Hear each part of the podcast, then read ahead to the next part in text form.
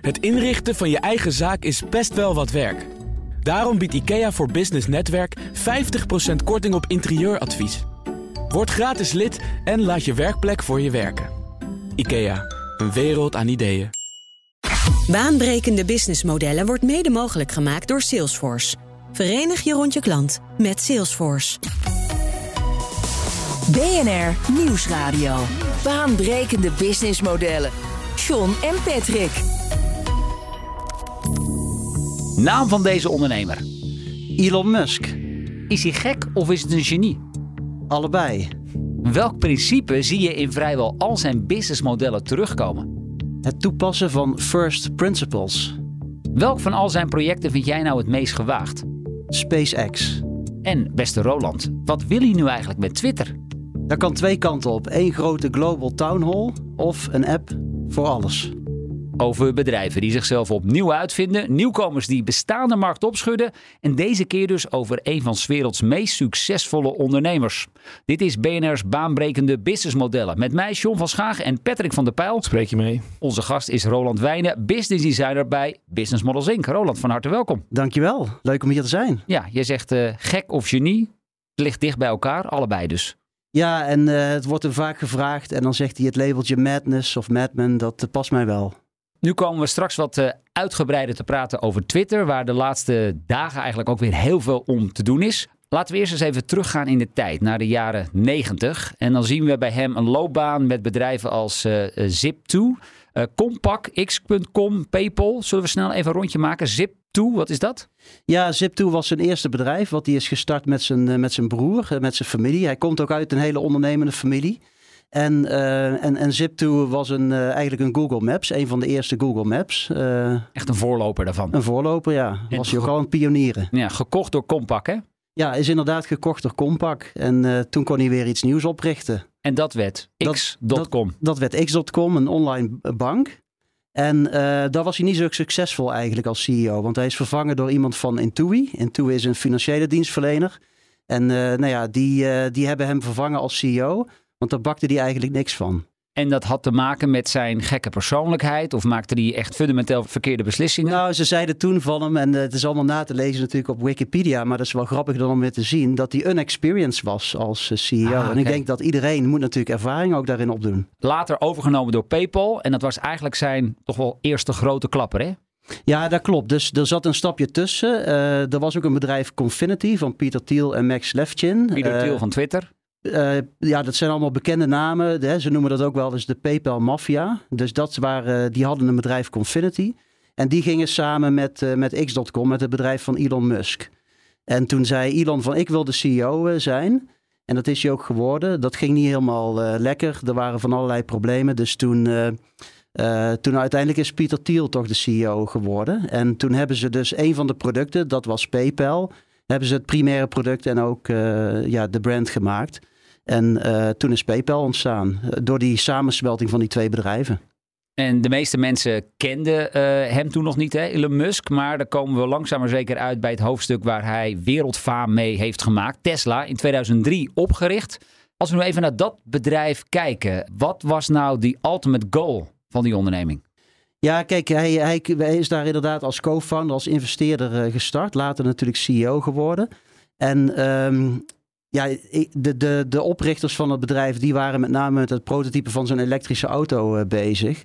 Maar hij zag het al meteen veel groter. Uh, Oké, als we dan toch een elektrische auto gaan maken, dan moeten we eigenlijk de snelste en de beste maken. En dan zou het ook vooral moeten bijdragen aan de transitie naar veel duurzamere energie. Uh, zich duurzamer voortbewegen op die, uh, op die planeet met dat, elektrische auto's. Want uiteindelijk was niet het doel mooie auto's maken, schone auto's, maar de energietransitie een boost geven. Dat klopt, daar heeft hij het uh, altijd over. Het gaat om sustainable energy. en dat moeten we met, in het transport doen met auto's, maar natuurlijk ook op andere manieren. Ook de manier waarop ja, je kunt dan auto's opladen natuurlijk met de zon direct in plaats van met olie, wat heel erg indirect is. Als we nu kijken naar een principe dat Musk bij vrijwel al zijn bedrijven toepast, dan moeten we het hebben over wat we noemen de first principle. Ja. Wat is klopt. dat? Uh, ja, om, om dat even te duiden. Elon Musk heeft. Uh, uh, een van de titels die hij die, die heeft behaald is een bachelor in physics. En, en dat is eigenlijk wat hij steeds toepast. En dan noemt hij first principles. Dus hij zegt eigenlijk om iets te begrijpen moet je eigenlijk de essentiële, de, de fundamentele uh, waarheid moet je kennen. De, de fundamentele bouwsteentjes. Als je die snapt, dan kun je van daaruit gaan redeneren en iets op gaan bouwen. Dus je moet altijd terug naar first principles. En hij noemt dat ook elke keer in een interview. Uh, noemt hij daar ook wel voorbeelden van dat hij dat, uh, dat, hij dat toepast. Dus hij wil echt begrijpen hoe iets in elkaar zit, hoe iets is opgebouwd. En van daaruit gaat hij dan die waarde creëren. En dat past hij dus in al zijn bedrijven toe. Hij is in feite dus niet de man van de incrementele uh, innovaties. Het moet meteen radicaal, fundamenteel, van de grond af aan iets nieuws bouwen.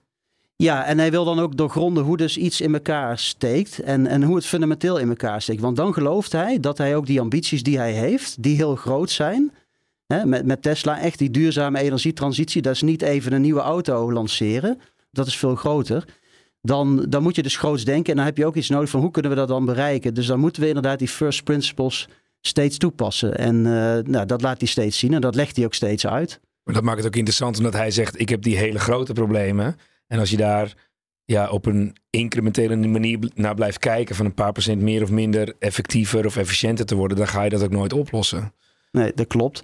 En kijk, en om een voorbeeld te geven, hij uh, legt dat in verschillende video's wel uit. Dus hij was een keer in de, in de, in de Tesla Factory. En toen uh, daar staat hij ook gewoon uit te leggen van hoe werkt dat dan? En, en waarom zijn jouw batterijen dan zo goed? Hij zei, ja, ik ga uit van first principles.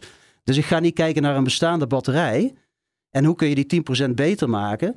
Maar ik vraag me af, waar is een batterij nou eigenlijk van gemaakt? welke chemicaliën, welke materialen zitten daarin? En als we dat weten, dan kunnen we ook kijken wat is daarin essentieel. Welke nieuwe combinaties kunnen maken. Welke materialen moeten echt anders. Uh, of duurzamer worden gesourced of wat dan ook. En van daaruit kan hij dan, gaat hij dan uh, over een batterij nadenken. Nou ja, en zo heeft hij natuurlijk een batterij gemaakt die ervoor zorgde dat de Roadster de snelste en uh, en beste auto ter wereld uh, werd. Ja, met niet... ook een flinke actieradius. Precies, en dat kun je niet doen. Dat te zeggen, ik pak een bestaande batterij en wat Patrick zegt, die maak ik 10% beter. En dan hopen we dat die auto ook goed gaat presteren. Ja, dus hij ontrafelt dat echt. Ja, en feitelijk um, hangt dit ook wel samen met een, een andere principiële manier van denken die hij toepast in zijn bedrijf. En dat is de 10x-methodiek. Ja, klopt. Ja, dus dat is het 10x eh, denken, de, de, wat wij noemen de exponential mindset. Komt ook van uh, Singularity University af. Die, uh, die praten daar ook steeds uh, over. Hè? En um, dat is dat exponentieel denken. Dus, en, en wat Patrick net al aanhaalde. als je grote problemen in de wereld wil oplossen, dan heb je dat nodig. Want die grote problemen zijn ontstaan door onze huidige manier van denken. Die heel erg incrementeel is. Kunnen we een beetje beter dingen een beetje beter maken. En um, wil je echt de grote problemen in de wereld oplossen, duurzame energie, uh, mobiliteit, uh, gaan leven op andere planeten, dan moet je 10x uh, eh, denken. Dan moet je tien keer zo groot denken. Maar hoe ziet dat dan eruit? Moet je denken dat je tien keer meer omzet wil of dat je tien keer meer auto's gaat verkopen? Nou ja, kijk, um, dat, vaak wordt dat geïnterpreteerd als dat gaat om tien keer meer omzet of tien keer meer verkoop. Maar het gaat eigenlijk om die grotere problemen op, oplossen. Dus die grote problemen oplossen, daar moet je groter voor gaan nadenken en op een andere manier uh, gaan ontwerpen. En, en dingen fundamenteel anders doen vanuit die first principles. Dus die, die 10x gaat niet. Uiteindelijk zal het resultaat zijn dat het omarmd wordt door veel meer mensen. maar het gaat veel meer over grootser denken. Hoe kunnen we nu echt duurzaam gaan? Ja, in feite is hetzelfde voorbeeld als uh, met uh, Tesla, waar het uiteindelijk niet gaat om die auto, wat ik denk 99% van de mensen denkt, maar uiteindelijk om een um, ja, duurzaamheids- of een energieprobleem op te lossen. Ja, veel groter denken dus dan, je, um, dan veel mensen geneigd zijn om te doen. Dan is meteen ook mijn volgende vraag. Kan iedereen dat toepassen binnen zijn onderneming? Want ik kan me voorstellen, ja, een gemiddelde MKB'er zal hier niet zo snel mee bezig zijn. Nee, ja, ik, ik heb daar nog over nagedacht, over die vraag. Um, en um, Kijk, ik denk ook dat in, in, uh, als je zeg maar die, die grote uitdagingen wil oplossen, dan heb je die manier van denken nodig. Anders wellicht niet. Maar het is wel altijd. Ik, ik zou iedere ondernemer wel eens aanraden van hoe zou dit 10x kunnen zijn in plaats van 10%.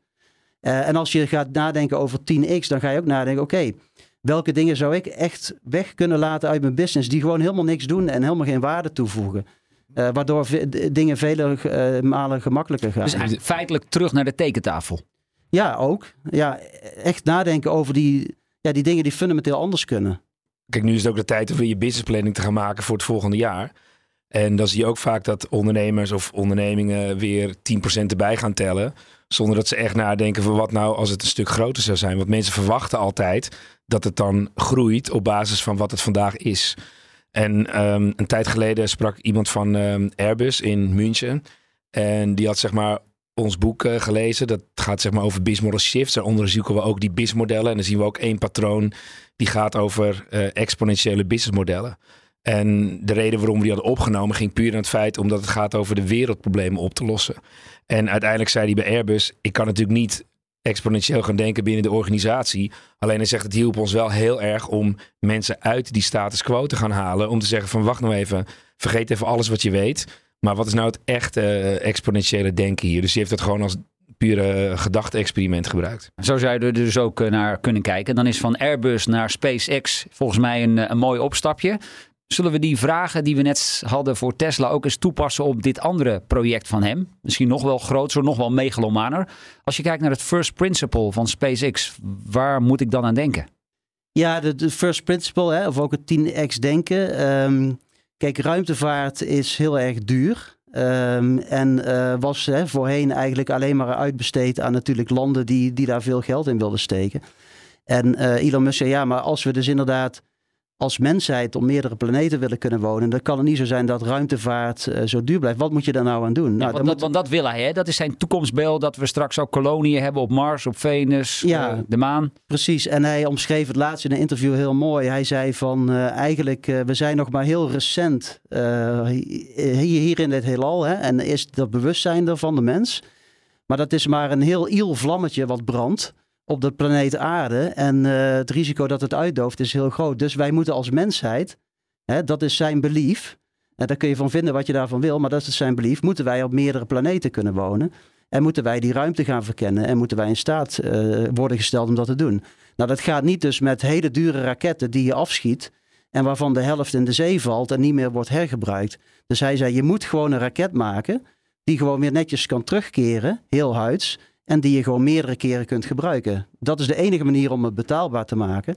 En dan kunnen die kosten tien keer omlaag of misschien zelfs nog verder. En, en hij is daar toen mee aan de slag gegaan. En dat heeft uiteindelijk geleid tot die raket die dus daadwerkelijk heen gaat, maar ook uiteindelijk weer terugkomt. Ja, dat klopt. En uh, natuurlijk destijds zeiden ze van ja, dat, dat zal je nooit lukken. Zelfs uh, ruimtevaartingenieurs, ik ben zelf ook een lucht- en ruimtevaartingenieurs, die zullen hebben gezegd ja, maar dat is onmogelijk Elon om dat te doen. Hè, dat is zo geavanceerd en uh, dat is zo ingewikkeld, dat lukt je niet. En hij zei van ja, volgens mij is het nearly impossible. Dus het kan wel. Dus ik ga daar gewoon mee aan de slag. En uh, ik ga daar gewoon aan beginnen. Je moet ook wel een hele grote blinde vlek hebben in feite. Ja, nou ja, kijk, dat is wat uh, Patrick ook vaak zegt. De ondernemers, en hij heeft dat ook, uh, die hebben een reality distortion field. Dus die zien eigenlijk niet dat iets niet, uh, niet mogelijk is. En die vinden het ook oh, nearly impossible. Oké, okay, let's do it. Dan gaan we ermee aan de slag. Maar hij is wel echt extreem. Ja, hij, is hij, hij voert het wel extreem door, ja, klopt. Ja. En, en, Patrick, als jij nu kijkt naar al die bedrijven van Musk... en ja, de luisteraars kunnen dat niet zien... maar Roland, je hebt een prachtige mooie ja, het is geen tekening, maar het is meer een soort geheugensteuntje wat je hier hebt ophangen. Ja, het grotere plaatje van, zijn, van al zijn bedrijven. Ja, we gaan ja. daar even een foto van maken.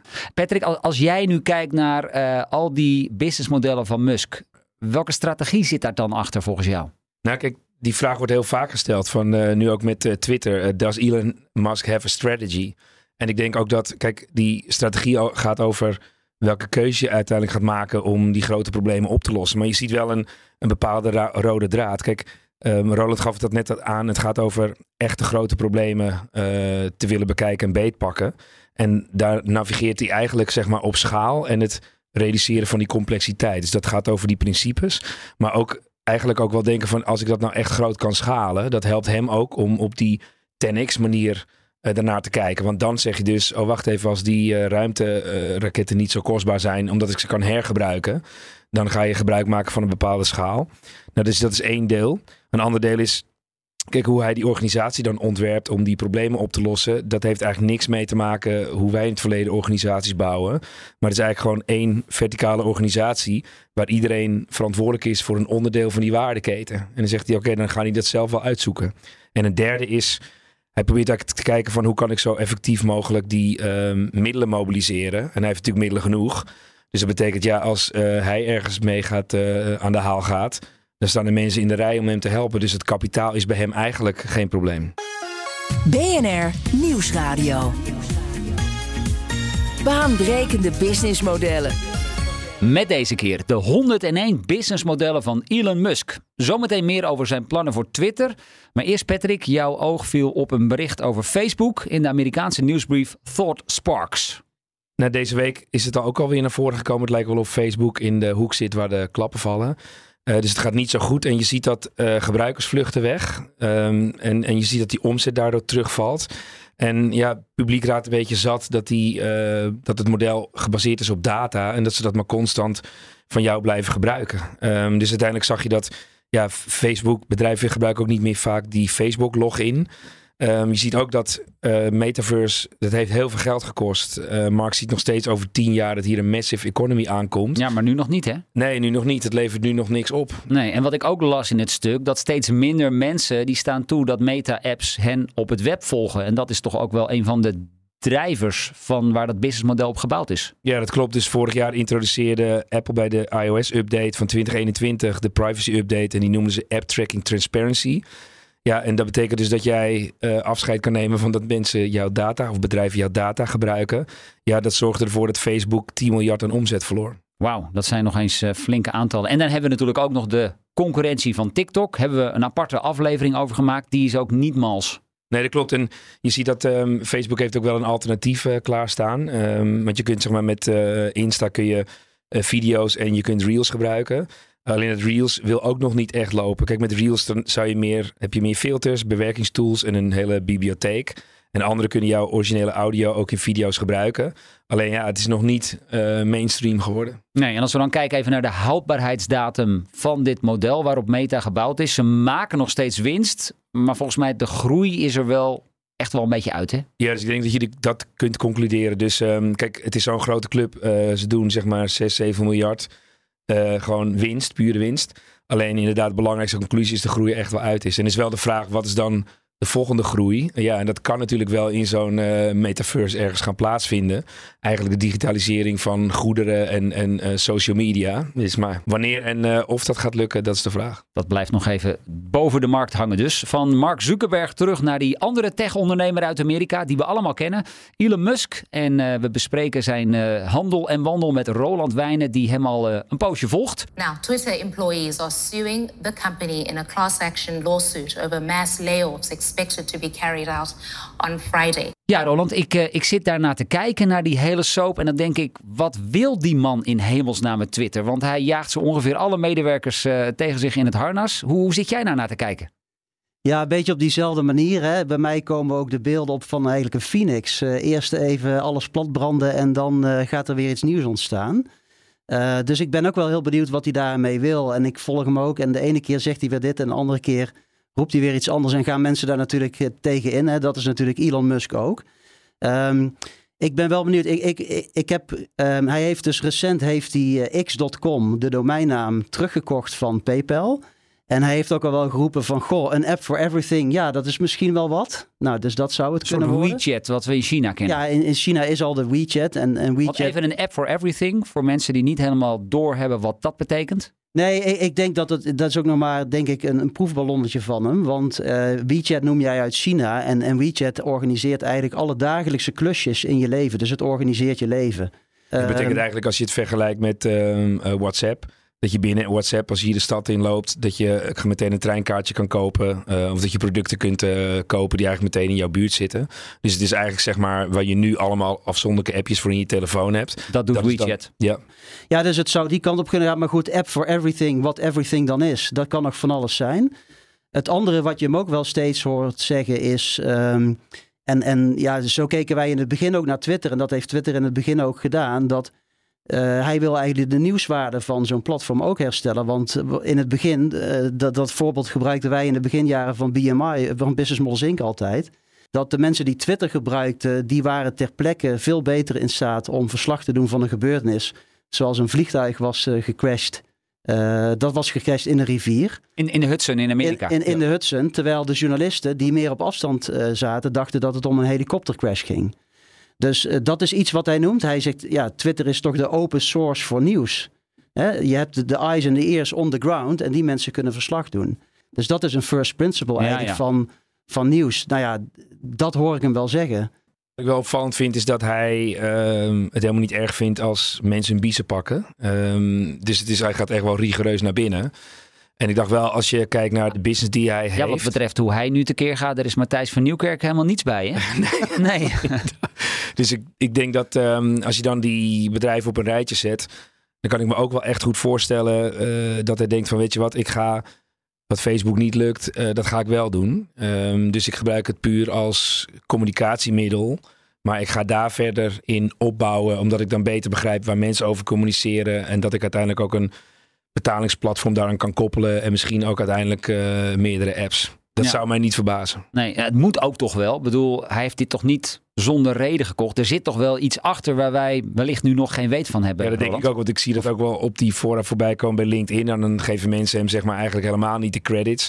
Dan denk ik van, nou ja, als ik mijn geld erop zou zetten, net Ja. als anderen die er wel op die manier over Geef denken. nog even de tijd. Geef me even de tijd, ja. Roland, dan hebben we ook nog eh, een ander bedrijf. En ik zie hem ook op jouw eh, lijstje hier staan. Hier Ja. 2016, Neuralink. Ja, eigenlijk zijn, is het nog een, een, een onderzoeksbedrijf. Ehm, want ze hebben nog geen businessmodel, ze hebben nog geen product. Maar wat je dan wel ziet, Elon Musk vertelt al wel wat het gaat doen. Dus eh, hij noemt het zelf een Fitbit for your brain. Daar wordt hem soms nog wel eens niet in dank afgenomen hè, door, door de mensen die bij Neuralink werken. Maar het zijn implantaten voor in je hersenen. En, ehm, Oké, nu ga ik even de, de, de riemen even vastmaken. ik zit er klaar voor. Zeg maar, hoe gaat dat werken? Ja, dus eh, kijk, d- dan kom ik ook weer op die first principles. Eh, ja, je hersenen, dat zijn elektrische stroompjes. Dus als je die elektrische stroompjes kunt opvangen, eh, dan kun je die ook gaan manipuleren. Dus dan kun je dus inderdaad eigenlijk met, met de hersenen communiceren door middel van een device. Dat noemen ze de link, hè? de Neuralink. Dus dat device communiceert met jouw eh, hersenen. En dan kun je dus inderdaad, eh, met, met het implantaat zou jij eh, ja, een auto kunnen besturen of nou ja, whatever je device je hebt, dat kun je dan gaan bedienen. Omdat je dan een interface hebt tussen een computer en de hersenen. En de hersenen zijn natuurlijk ook een computer. Dus ja, daar zit ook weer die, die first principles in. Eh, ja, dit is gewoon het overbrengen van die elektrische signaaltjes. Eh, dit komt op mij een beetje hetzelfde over als dat hij zegt: we gaan in de toekomst op Mars wonen. Daar kunnen heel weinig mensen zich nog iets bij voorstellen. En datgene wat jij nu uitlegt, is dat eigenlijk ook het geval dat je denkt: het zal toch niet zo ver komen. Maar hij denkt dus wel al zover. Ja, dat klopt. Maar kijk, wat, dan wel, ehm, en wat je ziet ook in de neurochirurgie, en wij hebben in het verleden ook eh, samengewerkt met een neurochirurg in eh, Maastricht. En ehm, die zit ook in het field van deep brain stimulation. Dus in dat veld, we zijn wel op zoek naar manieren om de hersenen te kunnen beïnvloeden, heel lokaal. Om een probleem wat mensen echt hebben, een hersenziekte, Gilles de la of een andere hersenziekte, om dat te kunnen beïnvloeden. En dat bestaat ook al. In, eh, wij hebben ook de voorbeelden in Maastricht dat je door inderdaad met implantaatjes of met de, eh, de hersenen kunt beïnvloeden en daardoor een incontinentieprobleem of een spraakprobleem kunt, eh, kunt voorkomen. Dus hij, eh, aan de ene kant heeft hij het al over toepassingen, iedereen een Fitbit voor zijn brain. Aan de andere kant zoekt hij ook meteen, oké, maar hoe kunnen we dit concreet nu toepassen voor iemand in nood? Dus iemand met een hersenziekte. Dus daar zoekt hij wel altijd naar een concrete eh, probleem wat hij kan oplossen, waar jullie het altijd in de uitzending natuurlijk over, over hebben. Dus dat is voor hem wel mensen met hersenziekte in het begin als de eerste eh, toepassingen voor, voor dit. En dan weer verder. Zullen we nog eens even zo'n eh, onderneming eh, beetpakken? Eh, een bedrijf dat tunnels boort. Ja. De Boring Company. Ja, Goeie naam overigens. ja wat, klopt. wat is dat voor project? Ja, kijk, eh, ik heb wel eens een uitdrukking gehoord van een Amerikaan. Eh, we hadden een rondleiding op, eh op Alcatraz. En eh, die Amerikaan die zei van... eh, every man's gotta have a hobby. So if you're on Alcatraz, what's your hobby? Ja, You try to escape. zeker. Dus eh, die uitspraak, every man's gotta have a, have a hobby, is echt Amerikaans. Dus ook Elon Musk heeft een hobby nodig. En zo ziet hij dat ook. Hij zei ja, tunnels boren, ja, dat is eigenlijk een personal hobby of me. Zo heeft hij dat letterlijk Andere mensen gaan padellen of eh voetballen op zondagochtend, maar hij gaat tunnels boren. Ja, en dus ja, zijn hobby is weer een andere business dan starten. Want dan komt hij natuurlijk op het idee, oh wacht even, als we tunnels gaan boren, dan kan het ook weer een business worden. Hij is wel begonnen met die technologie en hij wilde dat ook testen. Dus dat is dan ook typisch Elon Musk. Hij dacht, oké, waar kunnen we een tunnel gaan boren? Dat kun je natuurlijk niet zomaar in de stad gaan doen, want dan heb je een vergunning nodig. Maar ja, als je op het SpaceX-terrein zet, niemand houdt je tegen om op je eigen terrein een gat te gaan boren. Dus dan heeft hij ook op een vrijdagmiddag een keer gezegd van, goh, ik wil gewoon die machine nu aanzetten. En dan zien we wel zondagmiddag hoe groot het gat is geworden. ja, maar er staan hier allemaal auto's geparkeerd. Nou, die waren ja, in no Ja. time weg. En die machine stond aan. Ja, zo is hij dan ook weer. Dat doet hij dus gewoon. Nu hebben we het gehad over schone auto's. We hebben raketten behandeld. Ja. Eh, nou ja, bedrijf dat tunnels boort. Hij werkt aan een breincomputer. Twitter. Hoe zijn al die verschillende bedrijven, ideeën, concepten, businessmodellen nu met elkaar verbonden? Kunnen we daar een soort boom met takken van maken? Ja, kijk, dus ehm, en in, in elke vraag die hij ook krijgt, hè, waarom doe je dit, dan heeft hij het over de toekomst. Dus hij wil dat de toekomst exciting is ehm, en, en dat er een uitdaging is en dat er iets moois kan ontstaan. Dus hij wil dat voor planeet Aarde. Ehm, en eh, daar zegt hij van, ja, wij moeten veel duurzamer ons gaan voortbewegen en energie gaan gebruiken. Die, energie moet duurzaam worden. Dus vandaar Tesla. Eh, Solar Energy heeft hij destijds gekocht. Dus je kunt met je zonnepanelen ook je auto opladen. Dus dat is om de planeet waar we nu wonen duurzamer te maken. Eh, dus heel erg visiegedreven. Solar Energy, daar, dat is ook de producent van zijn eh, thuisbatterijen. Ja, precies. Dat is nu verticaal geïntegreerd in, eh, in, in Tesla. Zoals Patrick zei, van, dat sluit naadloos op elkaar aan. Want als jij die auto voor je oprit hebt staan, nou, dan kun je hem dus fijn opladen met je zonnepanelen. Van de andere kant, het is ook tegelijkertijd een batterij voor jouw huis. Dus die auto wordt ook nog eens veel beter gebruikt. Want als hij stilstaat, wordt die ook nog gebruikt. Dus ehm, dat is heel erg visiegedreven. En daar zie je ook van dat dan eh, die samenhanger komt. Duurzame energie met auto's, maar ook met batterijen, met zon, eh, zonnepanelen op je dak. Dus dat is allemaal verbonden. En ehm, zo is ook die verbinding er met, eh, met SpaceX. Dus als je op Mars wil gaan wonen, dan heb je die raketten natuurlijk nodig. En tunnels boren. Precies. Hij, kijk, als je tunnels kunt boren op Mars, dan woon je onder de grond met je stad. En dan heb je geen last van de straling op zo'n planeet. Dus ja, hij, hij ziet al meteen de mogelijkheden voor dit soort dingen. En eh, ik denk dat die ook vaak wel ontstaan doordat hij met dingen begint. Dat is ook wel onderneemt. Door ergens iets mee te beginnen zie je opeens veel meer mogelijkheden. Wel aardig, want ik zit nog weer even naar jouw, eh, ehm, ja, jouw samenvatting te kijken hier op deze, dit grote plaatje. Eh, er staat ook nog een ander project op waar we het nog niet over gehad hebben. Starlink. Ja, klopt. Even kijken, 2015. Satellieten en internet. Ja, dus jij vroeg net om die samenhang. Eh, hij heeft natuurlijk met SpaceX verschillende raketten gebouwd. Nou, dat vulde echt een hiaat op, want de NASA was gestopt met het eh, space-programma. Dus die konden geen astronauten meer naar het internationale ruimtestation brengen. Dat lieten ze eh, over aan de, aan de Russen met hun raketten.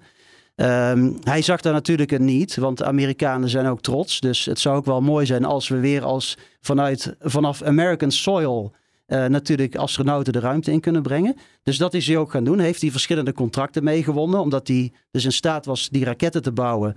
Veel goedkoper dan de NASA dat kan met ruimtevaartprogramma's. Eh, kreeg hij ook die contracten om vracht en, eh, en mensen naar, eh, naar het International Space Station eh, te brengen. En ehm, ja, een andere manier om geld te verdienen met raketten is eh, satellieten lanceren. En satellieten worden natuurlijk ja, om de haverklap gelanceerd in een baan om de aarde. Dus toen dacht Elon Musk, oké, een satelliet die kan ik ook veel beter en veel lichter en veel kleiner bouwen. En dan kan ik misschien ook wel satellieten gaan bouwen die om een vele lagere baan om de aarde rondcirkelen. En als dat er heel veel zijn, dan kunnen we daarna, daarmee breedband internet gaan aanbieden op plekken waar eigenlijk telecomproviders dat nooit kunnen. Omdat Ja, ze daar niet kunnen komen. En dan komen we gelijk op jouw woonplaats, eh, Roland Eersel. Ja, klopt. Bijvoorbeeld. Nou, Ja, nou ja, ik woon in het buitengebied en dat is een mooi verhaal. Want eh, een aantal jaren geleden zei de gemeente van... Goh, neem toch glasvezel. Het hele dorp kreeg het gratis of voor 50 euro. Eh, dat werd betaald door de gemeente. Maar in het buitengebied moesten wij 2500 euro betalen voor een aansluiting. Toen dacht ik, dat is veel te veel. De marketingcampagne van de gemeente destijds zei van... ja, je kunt dat maar beter nu doen, want de komende jaren komt er in ieder geval niks beschikbaar voor jullie om dat breedband internet te- te, eh, aan te bieden. En ik dacht van, nou ja, misschien dat er wel iemand eens een keer wat gaat doen, misschien met satellieten. Even, even Elon bellen. En eh, nou ja, dus daar is hij in 2015 mee begonnen. En in 2019 kan ik me nog herinneren, heb ik me al ingeschreven op eh, de aanmelding voor een Starlink abonnement. En nu kan ik dus een Starlink abonnement nemen. Eh, dat kost me eh, 400 eh, dollar voor de hardware. En 85 ehm, eh, eurotjes in de maand voor een eh, abonnement. Dus eh, nou ja, daar zie je maar weer. eh, dat soort dingen gaat heel erg snel als er mensen als Elon Musk achter zitten. Maar Roland, ik dacht dat hij die voor een veel lager bedrag zou aanbieden. Omdat hij natuurlijk straks, als hij de hele aansluiting heeft, heeft hij de controle over wat hij met die prijs kan doen. Want hij kan het echt veel goedkoper aanbieden. Ja, eh, dat, dat, eh, misschien dat die prijs nog wel omlaag. Eh, Volgens mij zijn ze al wel iets gezakt. Ik, ik, dacht dat het eerst iets van, van 600 dollar was en, en, en 100 dollar per maand. Dus hij is al wel iets gezakt in prijs. Ehm, dus ja, hij, hij wilde het ook steeds wel betaalbaarder maken. Ook natuurlijk elektrisch rijden, snapt hij ook. Als iedereen dat moet omarmen, moeten we dat ook betaalbaarder maken. Dus de volgende Tesla-modellen zijn ook betaalbaardere modellen. Dus hij is wel op zoek naar die betaalbaarheid eh, steeds. Ja, Misschien zeker. nog één voorbeeld, hè, want ik dacht dat het ene plaatje over dat hij een Roadster had gelanceerd, dat dat een, ehm, gewoon een gefotoshopt plaatje was. Nee, ja, goed. eh, hij is ook wel bekend om zijn stunts. En eh, ze hadden toen destijds wat ze noemen een payload. Er moest een lading op die raket om een test uit te voeren en aan te tonen dat je daarmee een lading in de, in de ruimte en in een baan eh, eh, om, de, om de zon of om de aarde kon brengen. En toen, eh, toen hebben ze bedacht van, goh, daar moet wel een redelijk zware lading zijn. Wat is zwaar genoeg? Nou, mijn roadster, mijn auto, is zwaar genoeg. Dus daar zetten we nog een Starman in eh, met een mooi ruimtepak aan. En eh, we doen daar nog een boek in, de Hitchhiker's Guide to the Galaxy. Doen we in het handskoenenkastje. En die monteren we boven op die raket en die wordt in een baan om de zon gebracht. Dus die zweeft daar nu boven. Mooie plaatjes, hè? Ja. Wat een marketingstunt. ja, en ik zit ook nog te denken, hè, zo'n Starlink kun je daarmee ook internet aanbieden in landen waar de overheid nu makkelijk internet kan platleggen. Bijvoorbeeld in Iran. Ja, ik, ik denk dat hij dat zou kunnen doen. Hij, eh, hij heeft natuurlijk nu ook eh, gezegd tegen de Oekraïne: eh, ik, ik betaal gewoon jullie internet de komende, komende jaren. En dat kost me 400 miljoen dollar, maar daar heb ik er graag voor over. Dus daar heeft hij het al gedaan. Ehm, en hij is ook wel op zoek naar samenwerking. Dus dat vond ik ook mooi om te zien. Hè. Vorige week hadden jullie T-Mobile in de, in de uitzending. En toen eh, werd er ook gezegd van... Goh, wij zoeken ook die samenwerking om met partijen... zoals een Starlink in plaats van eh, te gaan concurreren. En inderdaad, Starlink en T-Mobile hebben een, een combinatie om... ehm, om samen eigenlijk voor die dekking te gaan zorgen. En, en voor die naadloze aansluiting. Dus hij is ook echt op zoek wel naar samenwerking eh, in die gebieden. Tot slot nog even. Het gaat tot nu toe vooral over zijn bedrijven. Tussen de regels door horen we al wel een beetje hoe de man in elkaar steekt. Wat weet jij over Musk persoonlijk? Ja, dus eh, nou ja, dat, dat het een hele aparte man is. Hè? Maar goed, dat, weten, dat, dat, dat zien we en Dat horen we hadden we allemaal reeds. wel.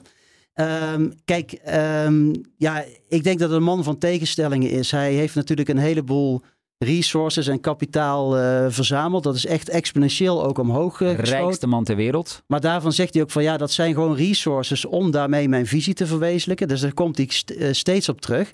En hij had een heleboel mooie huizen. En de afgelopen jaren heeft hij die allemaal verkocht. Dus vorig jaar geloof ik heeft hij zijn laatste huis in Malibu.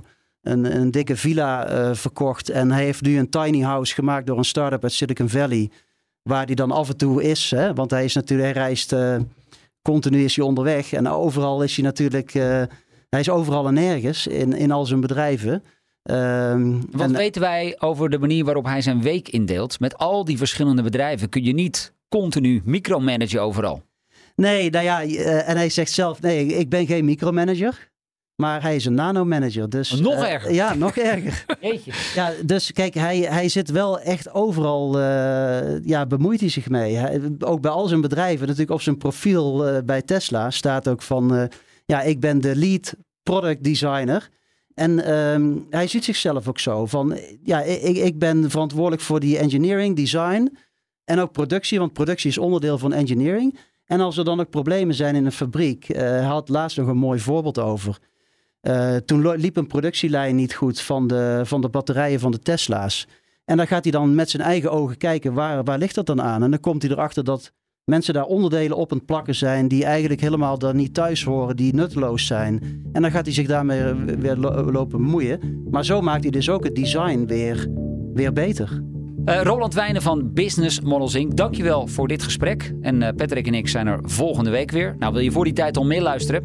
Check dan zeker ook onze andere afleveringen... die je vindt op vrijwel alle bekende podcastkanalen. Tot volgende week.